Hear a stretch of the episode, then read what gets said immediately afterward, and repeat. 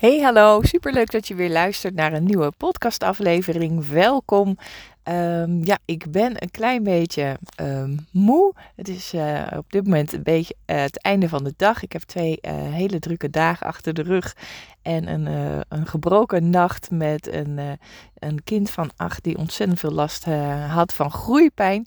Maar um, ja, ik ben een commitment aangegaan uh, door mee te doen aan een uh, groepstraject om mijn podcast uh, groter te krijgen, om meer luisteraars te betrekken, om consistent te, ja, eigenlijk de, de podcast op te gaan nemen. Um, en um, eigenlijk ook een mooi doel wat ik mezelf heb gesteld is om meer verbinding met de luisteraars te maken. Dus daar ga ik de aankomende tijd mee aan de slag. En vooral dat consistent de podcast uh, online uh, zetten um, is wel een uitdaging op het moment.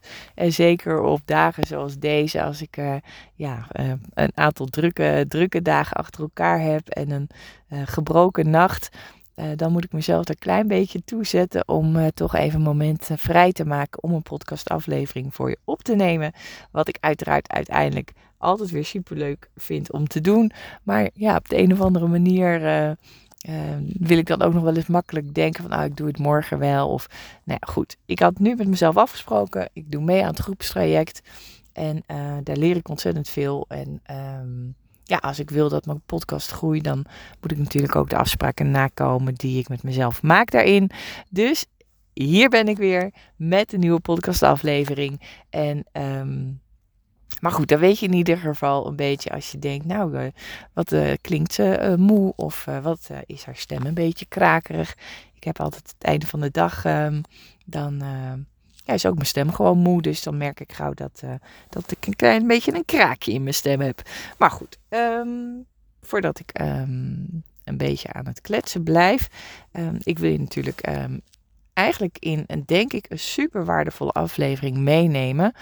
Um, de aflevering, de inspiratie heb ik eigenlijk gehaald uit um, een klantsessie die ik gisteren had in het bos. Um, en een paar mooie inzichten deden we daarop. ik zal zo een klein beetje meer context bieden. En waarvoor denk ik dat het zo'n mooie, een waardevolle aflevering voor je kan zijn. nou, zeker vooral als uh, jij iemand bent die uh, nou ja, vaak met de piekergedachten zitten, met een, een hoofd vol gedachten die je niet kan stoppen. Um, ook iemand, als je iemand bent die uh, nou, zich gauw verantwoordelijk voelt, um, zich gauw zorgen maakt, um, ja, misschien ook wel veel dingen aanvoelt en daarom je veel uh, meer verantwoordelijk voelt misschien dan bijvoorbeeld je collega's of de mensen in je nabijheid. En uh, aan de hand van dit voorbeeldje wil ik je eigenlijk meenemen. Um, en dat, dat kun je denk ik zelf heel erg goed um, in jouw eigen context plaatsen. Maar om het wel een beetje wat body te geven, is het wel fijn om een klein beetje achtergrond te delen. deze lieve vrouw die bij mij in een traject zit, zij werkt bij, zij werkt met dementerende ouderen. En uh, daar was voor het weekend was daar uh, iets voorgevallen, waardoor ze eigenlijk het weekend heel erg aan het piekeren is geweest en heel erg onrustig van werd. En um, uiteindelijk daar een heel weekend mee bezig is geweest en er zelfs wakker van heeft gelegen. Um, en dat ging over uh, eigenlijk iets heel praktisch, uh, dat op maandag uh, haar dienst zeg maar eindigde tot half drie. Uh, en dat haar collega dat dan zou overnemen. En normaal gesproken staan er dan twee collega's op de groep. En nu was er maar één collega ingepland. En de groep uh, die was best groot. En um, in plaats van dat. Um, in plaats van dat ze dat stukje zeg maar kon loslaten, um, vond ze dat dus heel erg lastig. En, en daar zijn we in een sessie zijn we wat uh, dieper op in, ingegaan. We hebben eventjes wat, wat laagjes afgepeld en gekeken wat daaronder uh, onderliggend nog te, te vinden was. En daar kwamen een paar interessante dingen tegen. Die wil ik graag met je delen, omdat ik denk dat uh, nou, omdat ik denk en ook weet vanuit mijn ervaringen met, met ook andere klanten. Um, dat ik, ik hoor veel soortgelijke verhalen. Dus vandaar dat ik denk dat het een waardevolle aflevering voor je, uh, voor je is.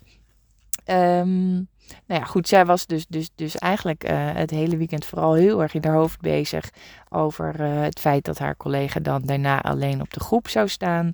Um, en um, nou, ze, viel eigenlijk van de ene gedachte naar de andere gedachte uh, over, over de organisatie en over beleid en, en dat soort dingen. En, en als je iemand bent die, die uh, vaak in, in het hoofd zit, dan herken je vast wel dat er dan een soort spinnenweb ontstaat van allemaal gedachten. En de ene gedachte leidt naar de andere gedachte. En voordat je het weet, ben je zelf bijna helemaal verloren in alle gedachten. Uh, en, en, en pieker hersenspinsels die uh, van het een naar het andere leiden. Um, ondanks, um, want dat vergeet ik eigenlijk erbij te vertellen, ondanks dat ze eigenlijk weet gewoon, nou niet eigenlijk, zij, zij wist heel goed, want dat wist ze heel goed te benoemen ook, dat het niet haar verantwoordelijkheid was om, um, nou ja, dat, dat probleem zeg maar op te lossen. En toch had ze daar dus heel erg last van. En in het gesprek uh, gaf zij dus aan uh, wat er dan in, in haar binnenwereld gebeurde. En um, ze werd er dus vooral uh, lichamelijk ook heel erg onrustig van. En heel erg, ja, bijna ongemakkelijk. En haar hoofd natuurlijk dat maar continu aanbleef, waardoor ze ook slecht sliep. dus ze werd ook gewoon heel erg moe van. En dat stukje wat die, die lijfelijke reactie, zeg maar, geeft, dat is wel heel interessant. Want daarna gebeurde er iets waarvan Um, ja, waarvan ik eigenlijk altijd zeg: het is een beetje alsof je hoofd dan een soort trucje met je uithaalt. Alsof je hoofd een excuus gaat bedenken, zodat hij zich niet meer in die onrust hoeft, uh, uh, hoeft te bevinden van uh, wat het oplevert van al dat, piek, al dat piekeren over, over het feit dat die collega dan alleen op de groep zou staan. Um, want wat gebeurde wat gebeurde er? En ze zei het eigenlijk tussen neus en lippen door. Um, zei ze, um, ik kijk heel even, want ik heb hem opgeschreven. Um, toen zei ze, ja, maar uh, ik, ze wilde het dus wel gaan oplossen en ze wilde het wel gaan aankaarten. Want ze zei: Ik wil om half drie met een goed gevoel naar huis kunnen. En dat is natuurlijk een super interessant gegeven. Kijk, en natuurlijk is het fijn dat je met een goed gevoel naar huis kan. Dat is vooropgesteld. Maar het moment waarop zij uh, die gedachte, zeg maar, de aandacht gaf, was op het moment dat ze dus uh, eigenlijk heel erg veel last had van die onrust, van die frustratie. Ze werd er ook boos over uh, en, en ze raakte alleen maar meer gefrustreerd over organisatie, dingen en over beleidpunten. En daar is zo interessant gegeven, want jouw hoofd gaat er dus, en dat is dat trucje wat je hoofd dan eigenlijk doet, die gaat dus eigenlijk iets bedenken om het goed te praten dat je er dus mee bezig bent, maar dat je ook een volgende stap mag nemen om het dus te gaan oplossen. Dus je hoofd bedenkt je eigenlijk een excuus om je te helpen dan maar niet in die onrust eh, en die, die frustratie te zitten en bedenkt dus een excuus uh, om jou de volgende stap te laten zetten en uh, er dus wat mee te gaan doen. Ook al is het niet jouw verantwoordelijkheid. Ook al weet je ergens heus wel ook wel dat het niet jouw verantwoordelijkheid is. En toch gebeurt het. En met die gedachte ging zij dus verder. En heeft zij verdere stappen uh, gezet om, uh, om dat stukje te voorkomen. Dus dat is het, eerste grote, grote inzicht. Uh, eigenlijk gaat het vooral om de bewustwording wat er gebeurt. Want um, ja, hoe zou het zijn om wel in die onrust even te gaan blijven zitten? En dat is de volgende oefening die, wij, die ik samen met haar heb gedaan. Van, we gaan eens even terug uh, naar, uh, naar dat moment om wel eens in die onrust te, te, gaan voelen. En wat gebeurt er dan eigenlijk? En die frustratie of die boosheid. Um, ga eens tijd maken en ga het dus juist er wel middenin zitten. Um, en wat gebeurt er eigenlijk? Waar ben je bang voor? Wat, wat, wat is het waar, uh, waarvoor je het niet even aandacht zou geven? En grappig genoeg bemerkte ze dus dat, het, um, dat nadat ze daar met haar aandacht uh, was geweest, merkte ze ook gewoon dat, het, dat dat stuk al gewoon heel veel meer rustiger werd. Dus op het moment dat jouw hoofd dat trucje uithaalt, uh, eigenlijk ook met de bedoeling van dan kan ik je uit die uh, frustratie of die onrust halen, um, is de insteek uh, en, en de achterliggende gedachte um, om uit dat gevoel te blijven, um, is, hoe zeg je dat? Het gaat eigenlijk zeg maar, ze, zeg maar zijn doel voorbij. dus dat was een heel mooi inzicht voor haar om, om te zien. En ook om te ervaren, letterlijk te ervaren, dat het helemaal niet zo erg was om even juist wel bij die onrust te blijven. Om bij die ontevredenheid te blijven en bij die frustratie te blijven. En het volgende dingetje wat, waar we over gehad hebben, en dat is er eentje die ik op, op, op heel veel verschillende vlakken vaak tegenkom, is eigenlijk dat jij ehm, eigenlijk voor jouw collega gaat denken. En hoewel natuurlijk we allemaal snappen dat de intentie goed is. En ik ook absoluut helemaal niet zeg dat je helemaal ongevoelig moet zijn en helemaal niet met je collega's mag meedenken of, of dat soort dingen. Maar op het moment dat jij in, hè, in dit voorbeeld dus gaat zeggen van oké, ehm, eh, ik ga toch contact opnemen met. Uh, uh, met, met, met de organisatie van luister eens, dan staat er maar één iemand op de groep. Dat is te weinig als er zoveel bewoners zijn waar we voor moeten zorgen. Um, dan haal je eigenlijk een stukje ja, ontwikkeling of misschien wel groei van jouw collega weg. Want het is eigenlijk niet plaats van jou om dat stukje voor haar te gaan oplossen. Kijk, wat, wat, dat is altijd een beetje een, een nuanceverschil. Je kan natuurlijk altijd wel even bij die collega checken van uh, hoe sta je erin of ben je er bewust van of uh, dat. Um, dus daar is nog wel een stapje ervoor. Dus nogmaals, hij is natuurlijk helemaal niet bedoeld van dat je helemaal niet collegiaal mag zijn of niet mee mag denken of dat soort dingen. Maar die stap slaan we heel vaak over, want we gaan al heel vaak al voor onze collega, uh, in dit geval ook voor onze collega, denken. En uh, daarmee ontneem je dus die collega zijn of haar groei. Want het is aan haar om te leren of om hulp te vragen of om uh, informatie op te vragen. Of om aan te geven van nou, de, dat is een beetje te veel van het uh, goede. Of, of wat dan ook. Dus realiseer je goed met alle goede bedoelingen om een collega dus te helpen. Maar realiseer je dus goed ook wat je bij die collega dan eigenlijk wegneemt. En uh, je zou bijna kunnen zeggen dat je um, uh, eigenlijk zoiets zou zeggen van uh, jij kan het niet of jij kan het nog niet, dus, dus ik help je wel even. En die stap is echt, we, slaan heel vaak dat tussenstapje echt over. En het is goed om je daar bewust van te zijn dat, dat je dat doet als je dat doet, zeg maar. Het is een heel interessant stukje om uh, voor jezelf goed in de gaten te houden als dat is dat dat gebeurt. Omdat je op dat moment echt de, de, de zelfregie van, van je collega weghaalt. Um, dus, dus kies dan, als je er toch iets mee wil doen, kies dan voor die tussenstap en, en check het eerst gewoon bij je collega. Misschien, misschien was het voor haar wel helemaal goed, bijvoorbeeld.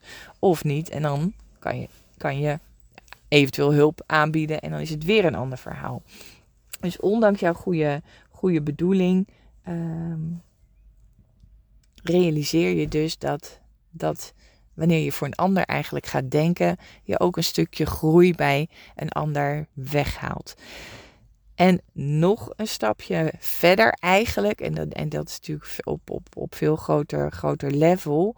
Op het moment dat jij binnen, natuurlijk, binnen een organisatie eigenlijk altijd continu brandjes aan het blussen bent, dingen aan het oplossen bent die eigenlijk niet bij jouw verantwoordelijkheid liggen of uh, uh, dingen doet uh, om dingen te voorkomen, dan gaat er in een grote organisatie ook nooit iets veranderen. Dus realiseer je goed dat zolang jij dat blijft doen, de organisatie ook gewoon niet de noodzaak gaat voelen om überhaupt daarin iets te gaan veranderen. Dus wees je ook altijd bewust van het feit dat je daarin heel bewust een keuze kan maken of dat slim is om te doen. Uh, omdat uh, zeker in uh, ik, ik, zie het bijvoorbeeld heel veel in, in de zorg en in het onderwijs. Uh, dat zijn allemaal van de, ja, die, die, die lieve, invoelende mensen die graag willen helpen, die graag willen klaarstaan. Uh, vaak al sneller denken en, ehm, en daarmee dus heel veel dingen al voor willen zijn. maar die halen, ja, die zorgen er eigenlijk dus ook voor dat een organisatie geen noodzaak voelt om nou, is uh, beleid aan te passen of, of om, is, om de tafel te gaan uh, uh, met mensen. Eh, ja, ik denk dat, ik die, dat dat de drie belangrijkste eh, punten waren ehm, op dit moment. Ik hoop dat er een, ehm, een beetje helder verhaal voor je ontstaan is. Dit is op, op dit moment is dat ook zoiets dat ik dan zo ehm, alles in mijn hoofd zeg maar heb wat ik dan wil zeggen. En ik had een paar dingetjes voor mezelf opge opgeschreven. Dus nou, korte recap. Het gaat dus Um, het, een van de drie inzichten is dus het, het, het opmerken dan van het ongemak. Het opmerken van je hoofd dat het trucje uithaalt om dat hij dan een excuus gaat bedenken, zodat je er wel uh, actie in kan ondernemen. Kijk dan eens of je juist er wel voor gaat kiezen om even die, dat ongemak en die frustratietijd en, en ruimte te geven en aandacht te geven. Punt 2 was dat je realiseert dat wanneer je gaat denken voor een collega, dat je daarmee een stukje ontwikkeling en groei van haar kant weghaalt. En realiseer je dus dat er een tussenstap altijd mogelijk is. nogmaals, de, de intentie vanuit de goede intentie uh, is dat natuurlijk heus goed bedoeld. Uh, maar kies dan voor die tussenstap en, en check dan eventjes uh, of diegene daar bijvoorbeeld vanaf weet of, of, of wat dan ook. En het derde is, en dat is weer een beetje dat, uh, dat grotere geheel, zolang, zolang jij en, en wellicht samen met collega's uh, uh, brandjes blijven blussen en dingen blijft oplossen die eigenlijk niet bij jouw verantwoordelijkheid horen bijvoorbeeld, dan gaat de organisatie ook echt niet harder lopen. Een organisatie gaat niet eerder om de tafel, omdat ze de, simpelweg de noodzaak niet voelen uh, om dingen aan te passen of om dingen te gaan veranderen. Yes. Um, hoe kun je, uh, hoe kun je uh, verder omgaan om wat meer grip te krijgen, zeg maar, op dat trucje van, van je hoofd? Um, als je dat nog leuk vindt om te horen, blijf dan nog heel even hangen. Wat een hele leuke oefening is, is op het moment dat je merkt dat je heel erg uh, onrustig bent en of heel onrustig met je gedachten bent, ga het gewoon eens beschrijven. Schrijf op waar je uh, over valt. Bijvoorbeeld in dit verhaal was het dus dat een collega om half na half drie alleen op de groep zou staan. Um, sorry. Dus schrijf dat, dat zo, zo eens op. En um, ga jezelf dan uh, uh, bevragen, uh, zeg maar, in, in hoeverre. Um, in hoeverre het, het zeg maar waar is wat je denkt, of je echt 100% zeker weet dat het waar is dat je wat je denkt. beschrijf ook eens of het jouw verantwoordelijkheid is um, om daar zo op die manier bezig te zijn. Um, welke oplossingen liggen er binnen, binnen handbereik zonder dat uh, je dus voor iemand anders gaat denken. Dus, want op het moment dat je het gaat schrijven, zeg maar, ga je vanzelf uh, letterlijk meer inzicht creëren.